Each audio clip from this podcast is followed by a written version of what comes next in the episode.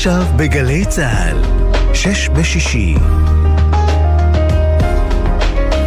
הבית של החיילים, גלי צה"ל.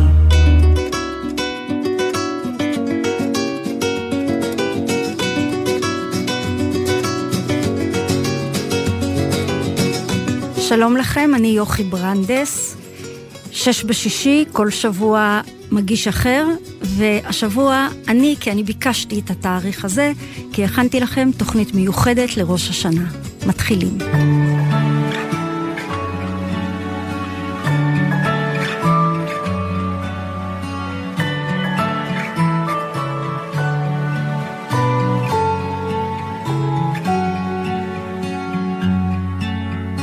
האדון עשה לנחות בוחן לבבות גולה עמוקות דובר צדקות.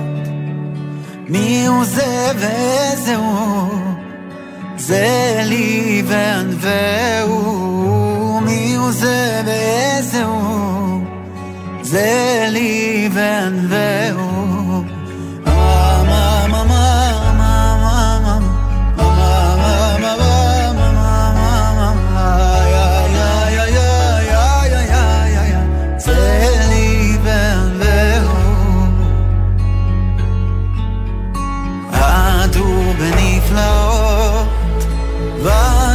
בנחמות, זוכר ברית אבות, חוקר כליות, מי הוא זה ואיזה הוא, זה לי וענווהו,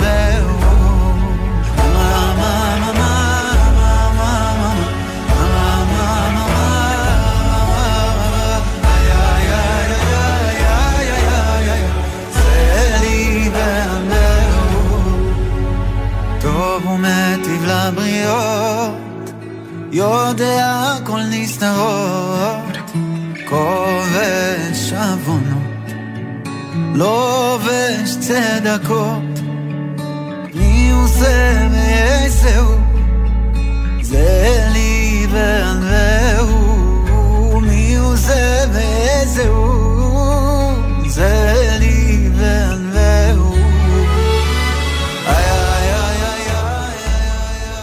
השבוע קניתי לי את ספרו החדש של הרב יאיר דרייפוס. הספר נקרא נשימות עמוקות, מסעותיי בימי הרחמים. אני כבר קראתי ספרים של הרב דרייפוס, ואני יודעת אה, שאני אוהבת אותו מאוד, אוהבת את ההגות שלו. הוא רב בעצם חסידי, אבל לא אדמו"ר חרדי, אלא רב אה, ששייך, לה, אני יודעת, לזרם הדתי, הציוני.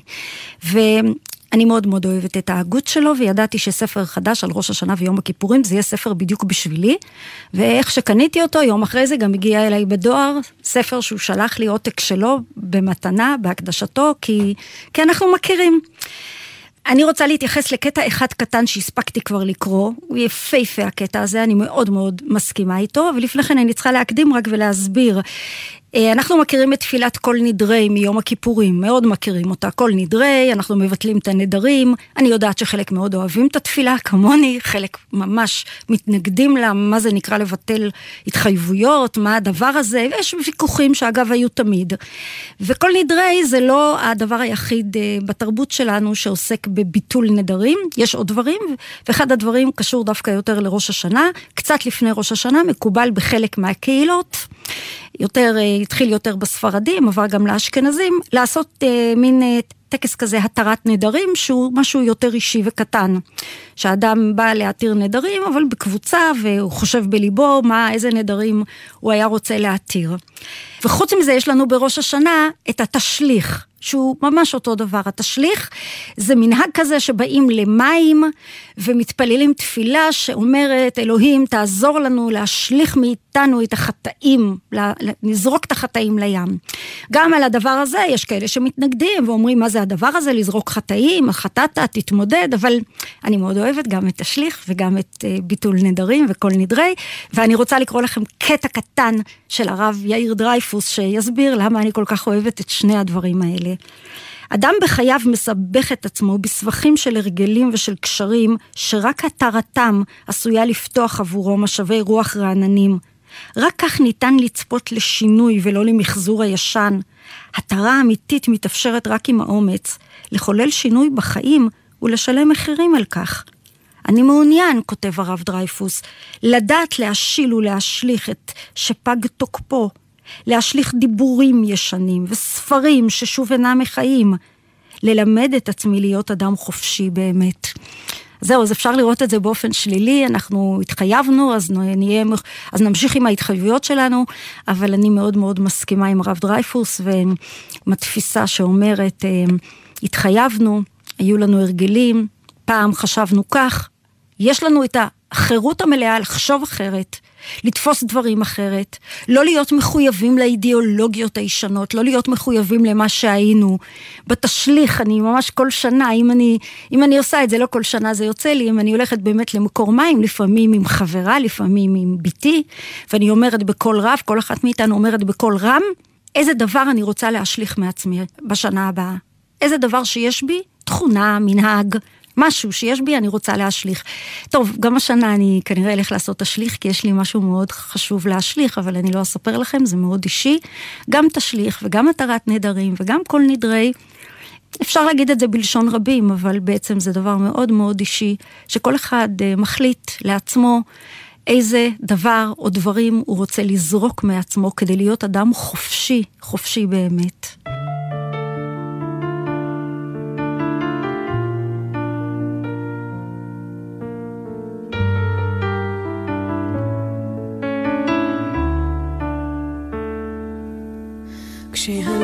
בוכה, רק אלוהים שומע. הכאב עולה מתוך הנשמה. אדם נופל לפני שהוא שוקע. בתפילה קטנה חותכת הדממה. שמע ישראל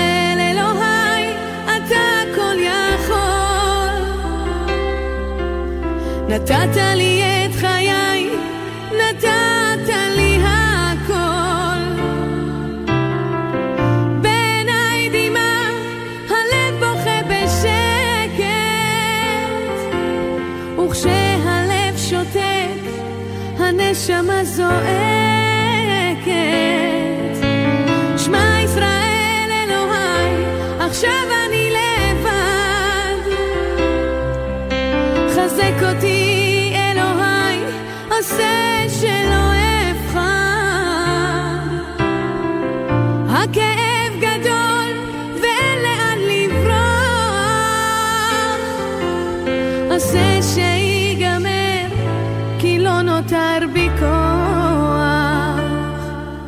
כשהלב בוכה הזמן עומד מלכת,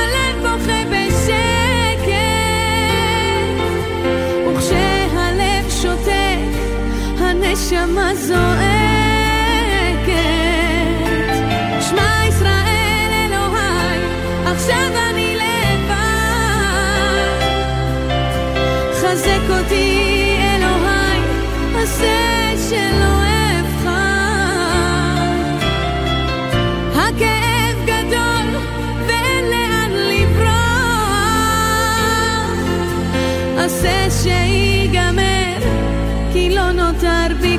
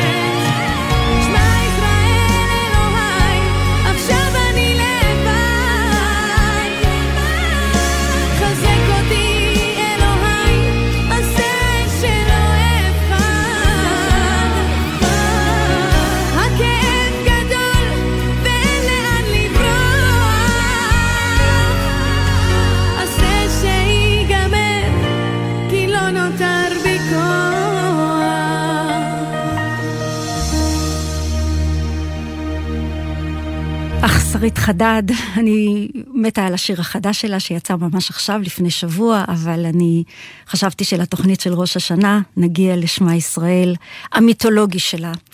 וכבר הבנתם לפי הפתיח שלי על כל נדרי ועל התרת נדרים ועל שמיטה שהשבוע שלי הוא בסימן של השתנות, שינוי, אלה הדברים שאני מאוד מכוונת אליהם בימים של לפני ראש השנה ויום כיפור. והשבוע עברתי עוד חוויה של התמודדות עם, עם אירוע של שינוי. אגב, לא כל שינויים שקורים בעולם, בחברה, אצלי אני אוהבת. לא, שינויים הם לא בהכרח דברים תמיד טובים, אבל, אבל היכולת להשתנות היא בעיניי מאוד חשובה וטובה, ואני רוצה להגיע לשינוי שאני פחות חיבבתי, זה לא קשור אליי אישית, וזה דבר אה, שאני חושבת עליו הרבה, אני באה ממשפחה חרדית, ועסוקים עכשיו מאוד בעולם החרדי ובפוליטיקה החרדית בלימודי ליבה, כבר עסוקים מזה זמן, כן לימודי ליבה, חלק מהחרדים מאוד רוצים, לא לימודי ליבה, חלק מאוד מתנגדים. בעיקר הליטאים מאוד מתנגדים, הליטאים, הלמדנות אצל הליטאים מאוד מאוד מאוד חזקה, לימוד תורה, רק לימוד תורה, ומתנגדים ללימודי ליבה, ללימודי מתמטיקה, אנגלית, מדע. וקראתי השבוע בטור של חגי סגל, אני מאוד מאוד אוהבת את הטורים שלו במקור ראשון. לא תמיד אני מסכימה, אבל זה חלק מהכיף, אני מאוד אוהבת לקרוא אותו, וחגי סגל כתב בטור שלו, זה בעצם ב- ביום שישי הקודם, אבל אני קראתי את זה רק השבוע, הגעתי לזה, והוא כותב ככה: הגאון מווילנה, שהלך לעולמו ב-1797, הוא הדמות המכוננת של המחנה החרדי הליטאי בישראל המודרנית. זאת הפתיחה שלו להסביר לנו, למי שלא יודע, מי זה הגאון מווילנה. ולגאון מווילנה היה עיקרון אחד שליטאי ימינו, כך אומר חגי סגל, מתעלמים ממנו. הוא היה בעד לימודי ליבה, הם ממש נגד. מצד אחד הם תבעו השבוע תוספת תקציב מהמדינה למערכת החינוך שלהם, אבל מצד שני הם התנגדו בתוקף שתתערב בתוכניות הלימוד ותוסיף להם מדעי טבע ואנגלית. ואז אומר מצטט אותם, הם אמרו, בהר סיני לא דיברו על זה, וגם לא בתורה. כלומר, הפוליטיקאים, הליטאים, החרדים, אמרו, כשהם התנגדו ללימודי ליבה, הם אמרו השבוע, בהר סיני לא דיברו על מתמטיקה ולא על אנגלית ולא על מדעי הטבע ולא דיברו על זה וגם לא בתורה. ובכן, אומר חגי סלע, לפי הגר"א בהר סיני ובתורה דווקא דיברו על זה. ראיה, נמצאת במורשתו האינטלקטואלית, אשר כוללת ספרי מדע. כן, הגאון מווילנה, אבי הלמדנות הליטאית, כתב המון ספרי תורה, לימוד תורה, אבל יש לו גם ספר, או אפילו כמה ספרים, ספר אחד ממש שעוסק במדעי הטבע. אבל אומר חגי סגל, זה לא הדבר היחיד. מסופר על הגאון מווילנה, מעשה שהיה, שעשה עלינו רושם חזק ואדיר, הסיפור בפי תלמיד שלו, אה, בעיצומה של התפרצות אנטישמית, הכתה גלים אמירה של אחד האנטישמים הגדולים, יהודי, גדולי האנטישמים, אנחנו יודעים, אה, הם ממוצא יהודי, לא כולם, אני סליחה שאני אומרת את זה בהכללה, אבל זה לא דבר מפתיע. היהודי המשומד הזה שהפך לכומר אמר, היהודים חושבים את עצמם לעם חכם ונבון, אבל במה חוכמתם?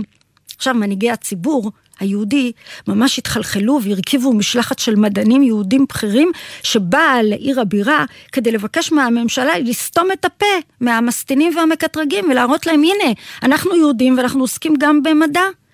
ובשובה משם, מספר חגי סגל, נסעו כולם לרבינו הגר"א וגם אני נסעתי איתם. זאת אומרת, חגי סגל מצטט את אחד התלמידים של הגאון מווילנה, שנסע איתם עם המדענים היהודיים לגאון מווילנה. והגאון מווילנה אמר להם, אשריכם שזכיתם למצווה גדולה זו. אבל עלינו לדעת שלא רק בזאת יתוקן הדברים לתמיד, ידוע היטב כי הנשק היותר גדול של שונאי ישראל הוא הטענה הידועה, איה חוכמתם של היהודים. בכל דור ודור אמנם יש לנו יחידי סגולה שעוסקים בתורה, ושגם עלה בידם להמציא המצאות חשובות. אבל רוב חכמי התורה, תשמעו את הביקורת שאומר הגאון מווילנה, אבי הלמדנות, במאה ה... בעצם ה-18, רוב חכמי התורה עזבו לצערנו הרב את מחקרי הטבע, וכולם כלולים וצפונים בחוכמת תורתנו הקדושה.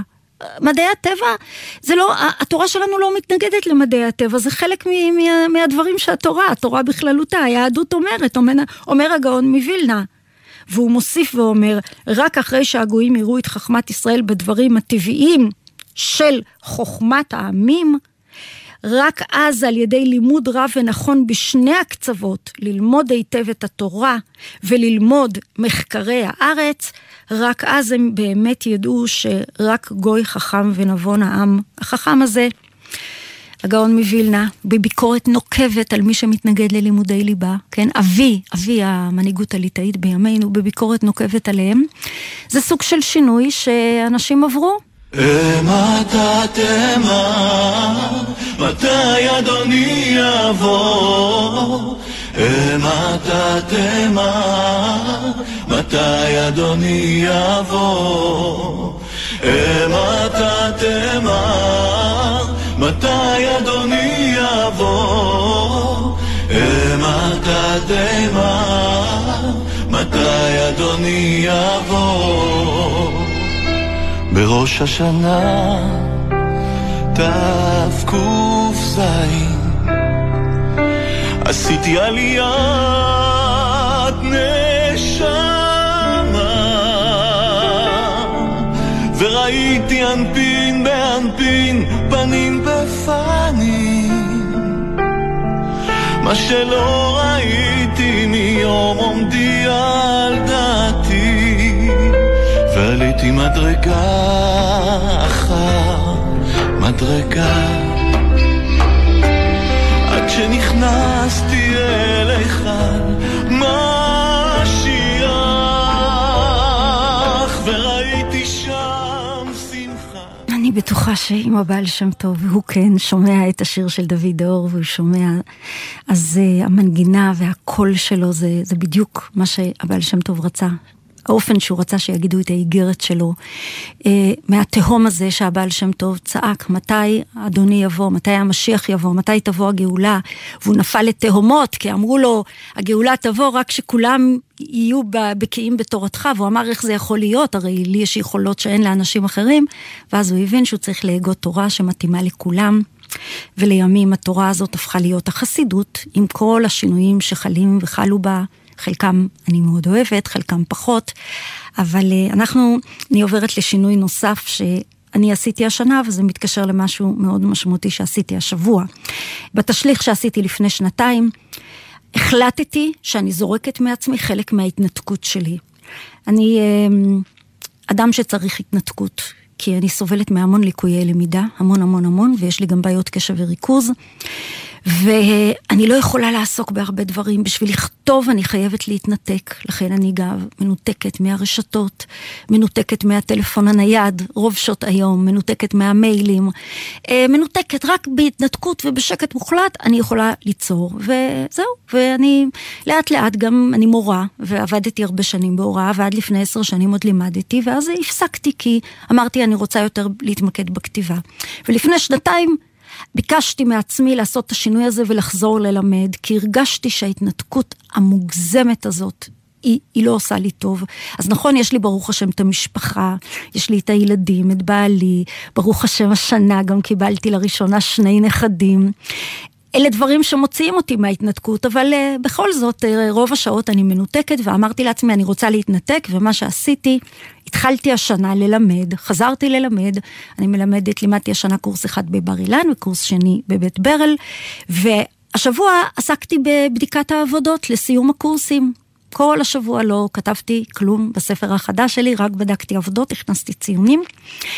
ואני מרגישה שהשינוי הזה עשה לי כל כך טוב, כן, אני כותבת פחות, אבל אני הרבה יותר מאושרת והרבה יותר אה, אה, מתלהבת גם כשאני כותבת. זאת אומרת, אני כותבת פחות שעות, אבל אני מספיקה יותר כי אני... האינטראקציה הזאת עם הצעירים עושה לי מאוד מאוד מאוד טוב. פחדתי, אני מוכרחה לומר, פחדתי לפני שהתחלתי ללמד, כי כי הדור הזה, הדור של בני ה-20, 25, דור של הילדים שלי, הוא כל כך אה, שונה ממני, מההתנתקות שלי. אני, אין לי לא חברה, אין לי שום רשת, אני כאמור מנותקת, מנותקת, וזה דור שמחובר, מחובר כל הזמן, אה, האינסטגרם והפייסבוק אצל חלק מהם, לא משנה, כל רשת, אני לא טיקטוקים, זה דור שמחובר ואני מנותקת, ומדברים הרבה על זה שהמוח של הצעירים משתנה, ו... וזהו, ופחדתי, אמרתי, איך אני אצליח לתקשר איתם? בעבר תקשרתי נהדר עם צעירים, אבל עברו שנים והם השתנו, ואני השתניתי כנראה. איך זה יהיה? וגיליתי לאושרי, שמה שאמרו חז"ל הוא כל כך נכון. חז"ל אומרים סדנא דערא חדו. זאת אומרת, העולם הוא אחד, אחד. בני האדם הם אחד. אין באמת בעומק הנשמה שלנו הבדלים.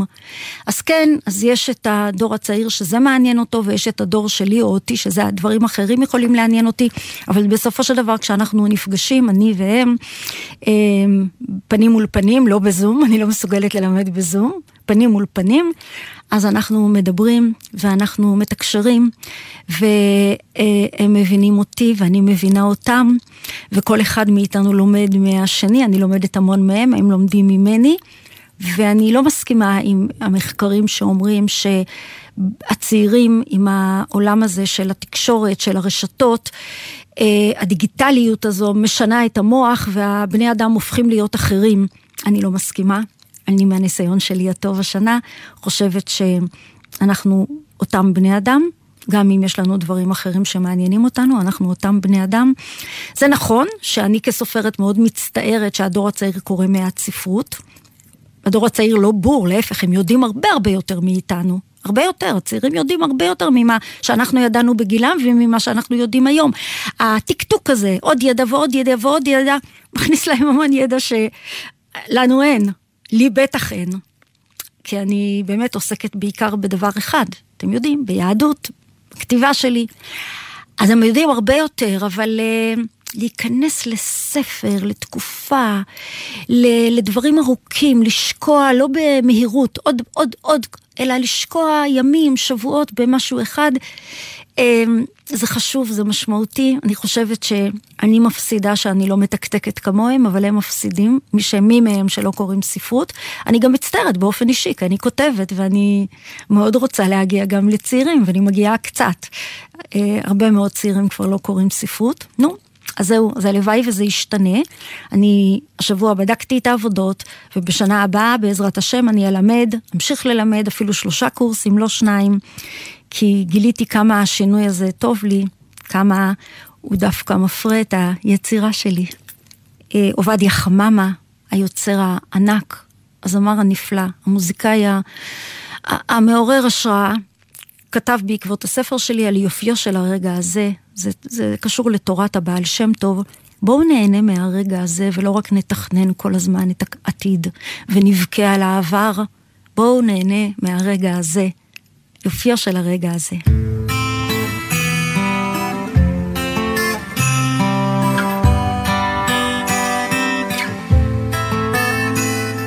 להתקרב אל הנשמה, כל אדם לעצמו. להתקרב, זאת הגאולה, אל יופיו של העולם. שמחה, בשעת שמחה, יופיו של הרגע הזה,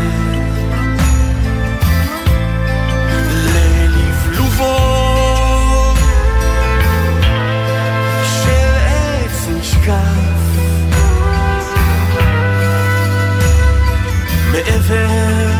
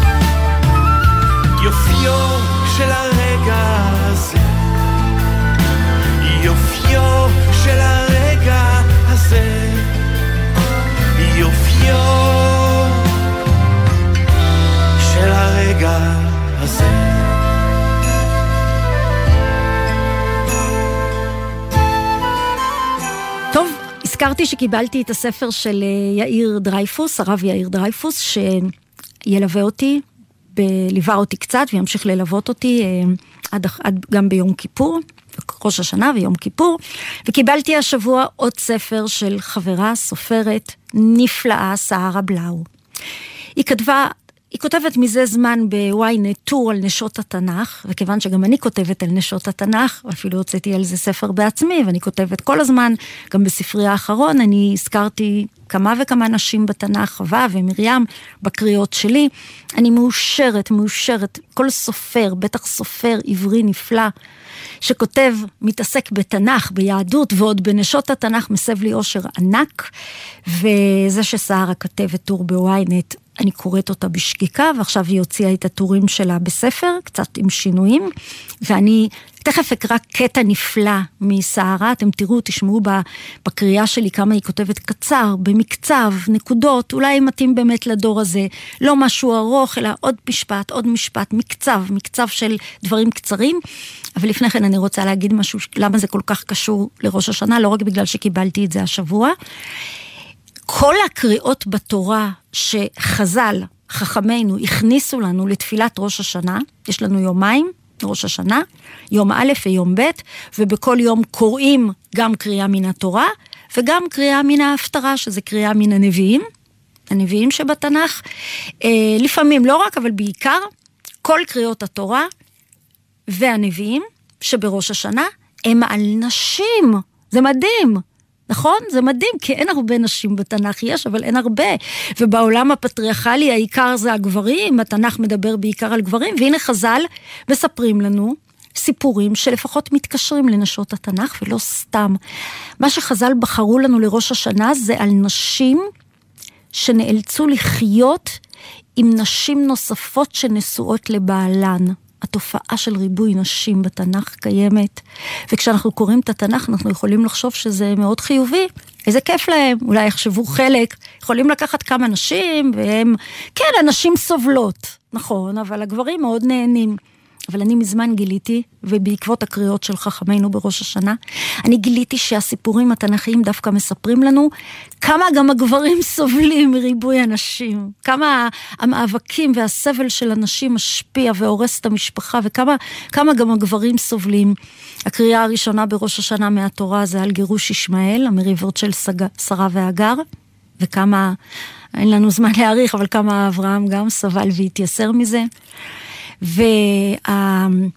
וההפטרה זה הסיפור הידוע של חנה ופנינה ואלקנה, וכמה הם רבו וסבלו, וכמה אלקנה סבל מהמאבקים בנשותיו. ואחר כך בראש השנה, ביום השני, קוראים את עקדת יצחק. עקדת יצחק זה שוב, זה כל כך מתקשר לגירוש ישמעאל, זה סוג של, גם פרשנים אומרים את זה לפעמים במפורש, סוג של עונש לאברהם. אה, ולשרה על מה שהם עשו לישמעאל. עכשיו שרה תשמע שבעלה הולך לעקוד את בנם ולפי המדרש היא מתה. זה עונש על מה שהם עשו להגר ולישמעאל, וההפטרה היא... ההפטרה היא של ירמיהו הנביא, שהוא מדבר בין היתר, הוא מדבר על הרבה דברים בטקסט הזה, אבל הוא מדבר בין היתר על רחל, השיר הידוע, קול ברמה נשמע נהי בכי תמרורים, רחל מבכה על בניה, ואיך אפשר שלא להיזכר מיד במאבקי רחל ולאה, ובסבל הגדול שגם יעקב סובל על המאבקים האלה. כמה הגברים גם סובלים מריבוי הנשים, וזה שינוי שהיהדות עברה, שינוי נפלא, שזה אסור, אין ריבוי נשים, בתנ"ך יש, אבל אין. ואני רוצה לקרוא לכם את uh, קטע נפלא של סערה בלאו, הסופרת הנפלאה. רק בשנים האחרונות, היא כותבת, התחלתי לאהוב את שרה. פעם שנאתי אותה, כמו כולכם. חשבתי שהיא מפלצת. גם רוב השערות שהכרתי היו מרושעות, במיוחד אני, אומרת שרה, שבעצם נקראת שרה והיא הוסיפה לעצמה ה'. כבר מותר להגיד שאברהם אבינו היה איש לא קל? כבר מותר לדבר על הפעם ההיא שמכר את שרה לפרעה? הוא פקח עיניים מיתממות ואמר לה, הננה ידעתי כי אישה יפת מראה את, כאילו שהוא רואה אותה בפעם הראשונה. ואולי זה באמת מה שקרה. הרי אף פעם הוא לא ראה אותה באמת. וכן, אני יודעת שכדי להיות אבי האומה אתה לא יכול להיות איש רך ועדין, אבל זאת אשתך, תסתכל עליה קצת, תפקח עיניים. ואז מספרת סערה. לפני שנים הגשתי תוכנית טלוויזיה שבה דיברתי עם ילדים על דמויות תנכיות. יום אחד שאלתי אותם, מי הנשים הכי יפות בתנ"ך? בעיניכם?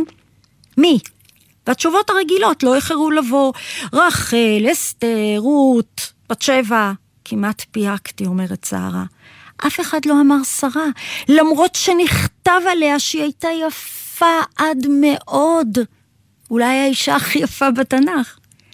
אבל כשבעלך לא רואה אותך, אף אחד לא יראה אותך, אף אחד לא יחשוב עלייך כעל אישה יפה. לסיום הקטע הזה, הקשה, הכבד, אני, אה, וה, והיפהפה, כי שרה כותבת יפהפה ואני כל כך אוהבת את הקריאות שלה על נשות התנ"ך. אני רוצה שנשמע יחד ביצוע מרטיט לשיר "אני אוהב אותך לאה" של אהוד מנור, "אני אוהב אותך לאה", אנחנו מכירים את זה בביצוע של צביקה פיק. הגדול, אבל יש עכשיו ביצוע חדש של לאה שבת. לאה שבת יוצרת שאני כל כך אוהבת, ולדעתי זה הביצוע הכי מרטיט לשיר הזה, שאומר ללאה בעצם שיעקב כן אהב אותה, למרות שזה בסיפור התנ"כי נשמע שלא כך, אבל כאילו מנחמים את לאה בשיר הנפלא הזה, לאה שבת, נקראת לאה, אני אוהב אותך לאה. את אותו הבוקר לא אשכח, כשטמנת ראשך בתוך הקר, אור השמש על האוהל נח, וראשי עלום שיכר. כשלחשתי באוזנך את שמה, את ידי אספת ביד קרה, ודמעה אחת חמה, אל כפות ידיי נשרה. הנה ימים רבים חלפו,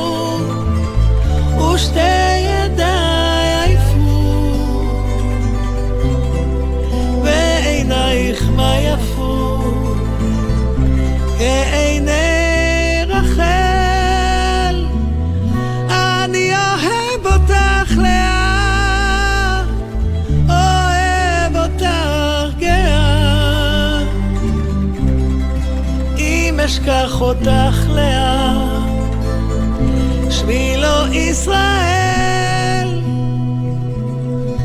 על ימר ליבך לחותם, אין בנייך לצידך יושבים. אל תפני אישה את מבטך, כל חלומותיי קרובים.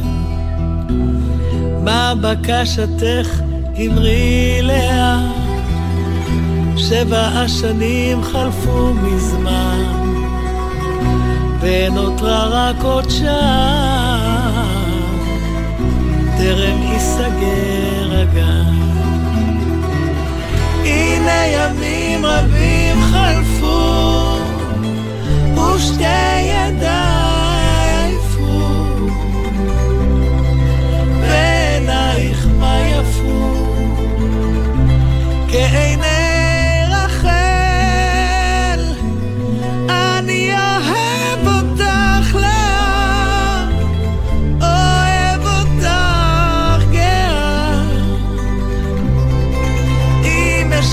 אותך לאה,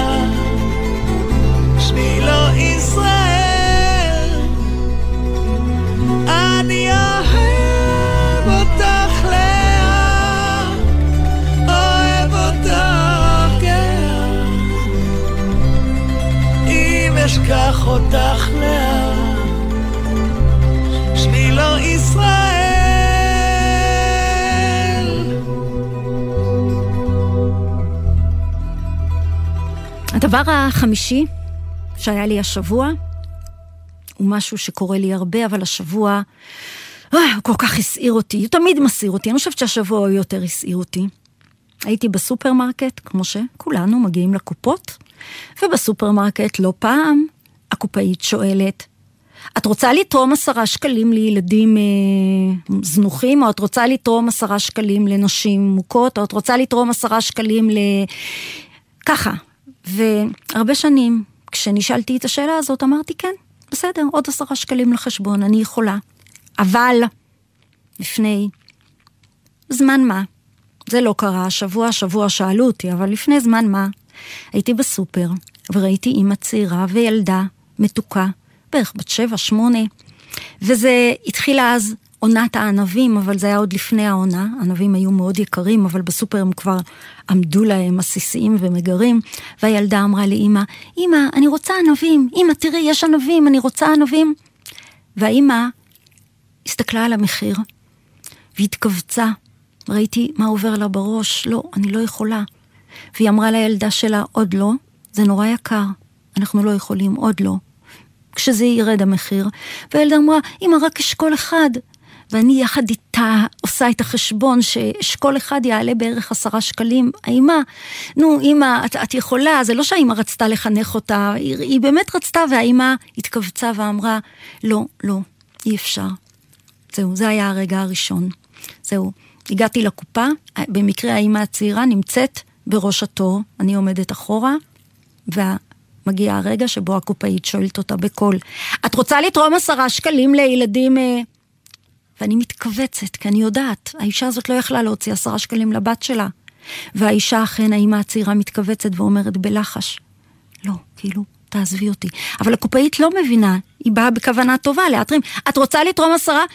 והאישה מתכווצת, זה לא נעים, כולם שומעים, זה מבייש אותה, והיא שוב ככה לוחשת לא, והאישה הקופאית אומרת, אה, את לא רוצה לתרום, בסדר, לפני כולם. מאותו הרגע, כשאני אגב הגעתי לקופה אז, והקופאית שאלה אותי, את רוצה לתרום? ואני יודעת שחלק מהאנשים מזהים אותי, ויודעים שאני יכולה לתרום עשרה שקלים, אנחנו הסופרים לא עשירים, אבל מכירים אותי ויודעים. ואני זקפתי חזק את הראש ואמרתי בקול רם, לא, לא, אני לא רוצה לתרום. והיו פעמים שדיברתי גם עם קופאיות ואמרתי, זה לא, למה אתם עושות את זה? זה לא מה שצריך להיות, מי שרוצה לתרום שיתרום בשקט, לא. הם, הם רק ממלאות פקודות. וגם השבוע כשזה היה, הקופאית שאלה, ואני מכירה אותה, זה היה הכל בחיוך, והיא שואלת אותי, את רוצה לתרום? ואני אומרת בקול רם שכולם ישמעו לא. אז כן, אני רוצה לתרום, אני חושבת שכולנו רוצים לתרום, אבל אנחנו רוצים לתרום מה שאנחנו רוצים לתרום. ואפילו שהמטרה טובה, המטרה כן טובה, אבל uh, בבקשה, בבקשה, הדרך שזה נעשה, בעיניי, ואני חושבת שבעיני אחרים, רבים, זה לא טוב.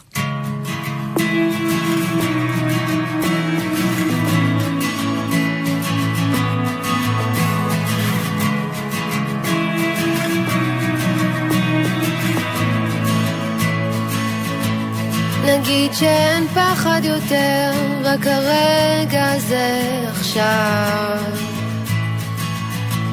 נגיד שרק שתינו פה עולות מטפסות בהר.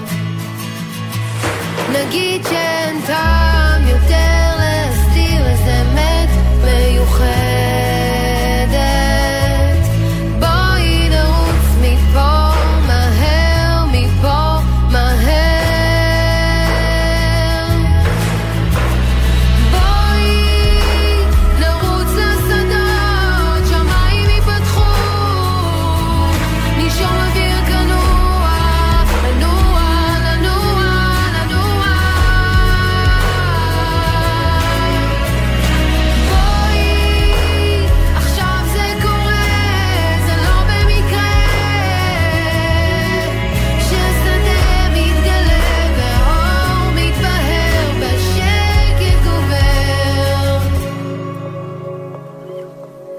נגיד שעולם מתגלה עלינו עכשיו.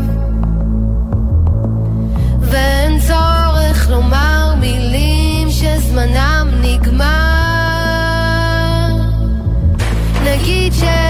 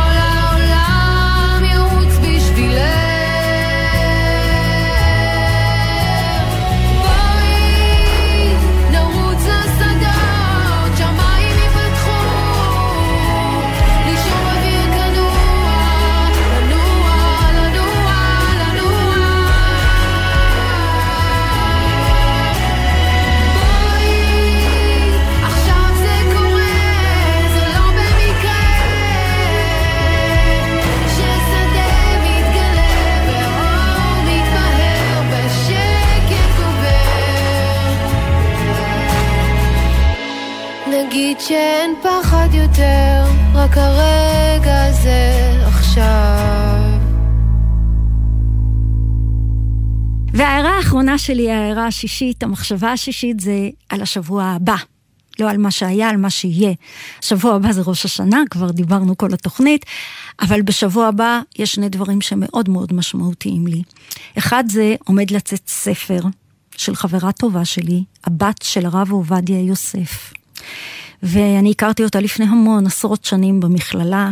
הקשר בינינו היה מיידי. אני חושבת שבין היתר, לא רק בגלל האישיות הקרובה שלנו, אלא בין היתר משום שהיא באה מבית אצולה של ה... בתו של הרב הספרדי הכי נערץ, ואני גם באה מסוג של אצולה חרדית, אה, אז הייתי נכדה של אדמו"רים, צאצאית של אדמו"רים, וזה הרבה חיבר בינינו, ושתינו גם בוחרות דרך אחרת, גם רבקה אה, לא נשארה בדיוק בבית שהיא גדלה בו. הערצה ואהבה גדולה לאביה ולמה שאימא שלה ואבא שלה הנחילו לה, אבל היא בחרה בדרך של, אה, לא, לא של הדרך החרדית, אלא בדרך הדתית של הציונים שמשרתים בצבא ולומדים לימודים כלליים, זהו, זה מה שהיא בחרה. ואני גם יצאתי לחפש ומצאתי, ואני עדיין קצת מחפשת דרך אחרת, לא הדרך של החברה החסידית, לא... ידעתי שאני לא אתחתן עם בן של אדמו"ר, והיא ידעה אז שהיא לא תתחתן עם רב חרדי. התחתנה עם רב, אבל רב אה, דתי, ציוני. זהו, אז רבקה הוציאה ספר השבוע עם אה, סופר נוסף, איתמר, אה, לא זוכרת את שם המשפחה שלו, סליחה, אני, הספר לא מול עיניי, הוא יצא השבוע. ספר סיפורים, בית יוסף, על בית אבא, על איך הרב עובדיה יוסף היה בתור אבא, איך הוא היה בתור בעל. לא הרב עובדיה יוסף הפוסק, לא הרב עובדיה יוסף שנותן הרצאות שחלק אוהבים, חלק לא, לא הרב עובדיה יוסף שהנערץ מלמעלה, שכו, שהיום, אני חושבת לימים, כולנו למדנו להעריץ ו, ו, ולאהוב ולדעת את התרומה העצומה שלו, לנו, ממש לחיים שלנו, אבל הרב עובדיה יוסף האיש, האבא, הבעל, איזה ספר יפה, קראתי חלקים ממנו לפני שהוא יצא, והוא עומד לצאת ואני מאושרת, אהיה מאושרת לקנות אותו, אני משערת שאני גם אקבל עותק, ואני רוצה לדבר גם על אבא האישי שלי, לא רק על אבא של רבקה, גם על האבא שלי, כי אבא שלי נפטר בערב ראש השנה. ביום ראשון אני אעלה לקבר של אבא שלי, יורצייד 12, יורצייד זה יום הזיכרון, ה-12 לפטירתו. יש לי המון מה לספר על אבא, אני בניגוד לרבקה לא אכתוב עליו ספר, מכל מיני סיבות, אבל יש לי המון המון סיפורים של אבא שלי שנוכח בחיי, ואני רוצה להתמקד רק בדבר אחד חשוב, משמעותי. אבא שלי היה בסוף ימיו אדמו"ר. הוא בן של אדמו"ר, ואחרי שאביו נפטר, הוא נעשה אדמו"ר בעצמו. אבל כל חייו, כל חייו כאדם בוגר, אפשר להגיד מגיל 20 עד גיל 60, הוא עבד, אבא שלי, בן של אדמו"ר, עם זקן ארוך ופאות, ובגדים, אה, לפחות בחלק, שחורים. בעבודה הוא לא הלך עם קפטן, כמו בשבת, קפטן, שטריימל, הבגדים השחורים של החסידים, אבל אבא שלי, אבא שלי רב חסידי, אחר כך הוא היה אדמו"ר, עובד. איפה הוא עובד? בתל אביב. לא סתם בתל אביב, במעוז החילוני של תל אביב, הוא עובד בבניין של לונדון מיניסטור. מכירים את הבניין, נכון? למטה צוותא. צוותא בוודאי הייתה אז באותם ימים מעוז של השמאל החילוני. וכמה קומות למעלה להקת בת שבע, רקדניות, רקדנים, התרבות החילונית הכי הכי הכי חזקה נוכחת, נראית, ואבא שלי נמצא בקומה למעלה, הוא עובד כמנהל חשבונות, אחר כך גם כמנהל בחברת קרת, נאות אביב, בנייה שעד היום קיימת. עובדות איתו נשים חילוניות שמתלבשות כמו חילוניות, ואבא שלי בחיים לא העלה בדעתו להגיד להן, אה, תתחשבו ברגשות שלי, כמו שהוא לא העלה בדעתו שיגידו לו, אה, תתחשב ברגשות שלנו, כאן תל אביב, בבקשה תוריד קצת אה, את הסממנים החרדיים שלך. לא רק שאבא שלי לא ביקש מהן, הוא דיבר איתנו, היה ידיד טוב שלהם, והוא הסיע אותן טרמפ כשהן היו צריכות, לא, לא היה לו רכב, באותן שנים למעט אנשים היה רכב, והוא הסיע אותן טרמפ לצידו, לא אחורה ולא, פשוט לצידו, והם דיברו, זה היה אבא שלי. אפשר להגיד שזה היה אבא שלי, וזה היה, אלה היו חלק גדול גדול גדול מהרבנים אפילו, ובוודאי מהמשפחות החרדיות, לסוגיהן, גם הליטאים וגם החסידים כמונו. ואנחנו יודעים שחלו שינויים, ואנחנו יודעים שהיום זה אחרת, אבל אה, שוב, זה מגיע למקום של, יש שינויים שאני, כולנו, אני עכשיו מדברת על עצמי אוהבת, אני מאוד מאוד אוהבת את איך אבא שלי היה עד גיל 60-65, ואני מאוד אהבתי גם את אבא שלי כאדמו"ר, אבל אבא שלי כאדמו"ר אה, חי בבני ברק והתנתק מהעולמות מסביב, ואני חושבת שהוא לא אהב את זה, אבל זה מה שהיה. והוא השתנה, והשינוי הזה לא בהכרח עשה לו טוב, אבל זה היה שינוי שהוא היה חייב לעשות. ואני מאוד מאוד אזכור וזוכרת את מה שקיבלתי מאבא שלי כשהייתי ילדה ונערה. ואני, אנחנו נסיים את התוכנית באבינו מלכנו של עדי ארד, בביצוע של עדי ארד, חזנית, אישה, עוד שינוי שחל אצלנו, ברוך השם. ואני רוצה לאחל לכם שנה טובה מאוד. שנה של השתנות, אני גם מאחלת את זה לעצמי, התמודדות עם שינויים. אני מאחלת לעצמי, הייתה לי שנה ברוך השם טובה ברובה, היו התמודדויות, אבל כאמור, אמרתי לכם, קיבלתי שני נכדים השנה. אני מאחלת לעצמי שאני אמשיך לקבל נכדים, ואני אמשיך אה, ליצור, ואני אמשיך אה, להשתנות במה שצריך, ו... ולסלוח לעצמי כשאני עושה דברים שלא צריך, ובטוח יהיו הרבה דברים שאני אצטרך לבקש סליחה גם מאחרים וגם מאלוהים וגם מעצמי. אז שנה טובה לכם, שנה של שינוי, שנה של שמחה, ואני רוצה לסיום רק להודות גם לכל מי שהשתתפו בתוכנית הזו, שכל כך נהניתי לדבר איתכם, לעשות אותה, העורכת יפעת גלר, המפיק עומר נותקביץ, על הביצוע הטכני סיון ברהום ואחינועם ויינברג. תודה לכם, תודה לכם העושים, תודה לכם המאזינים שהקשבתם לי, ותודה לעדי ארד, החזנית הנפלאה, שעכשיו תגרום לנו לעלות לגבהי מרומים עם אבינו מלכנו. שנה טובה.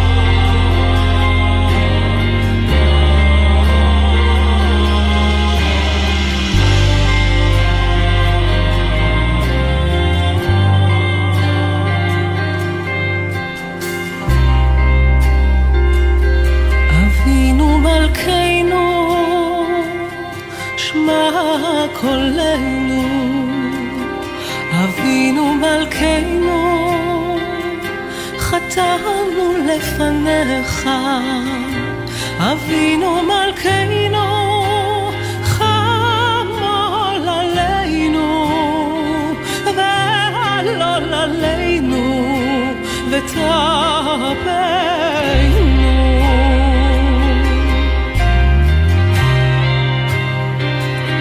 אבינו מלכנו קל לדבר frères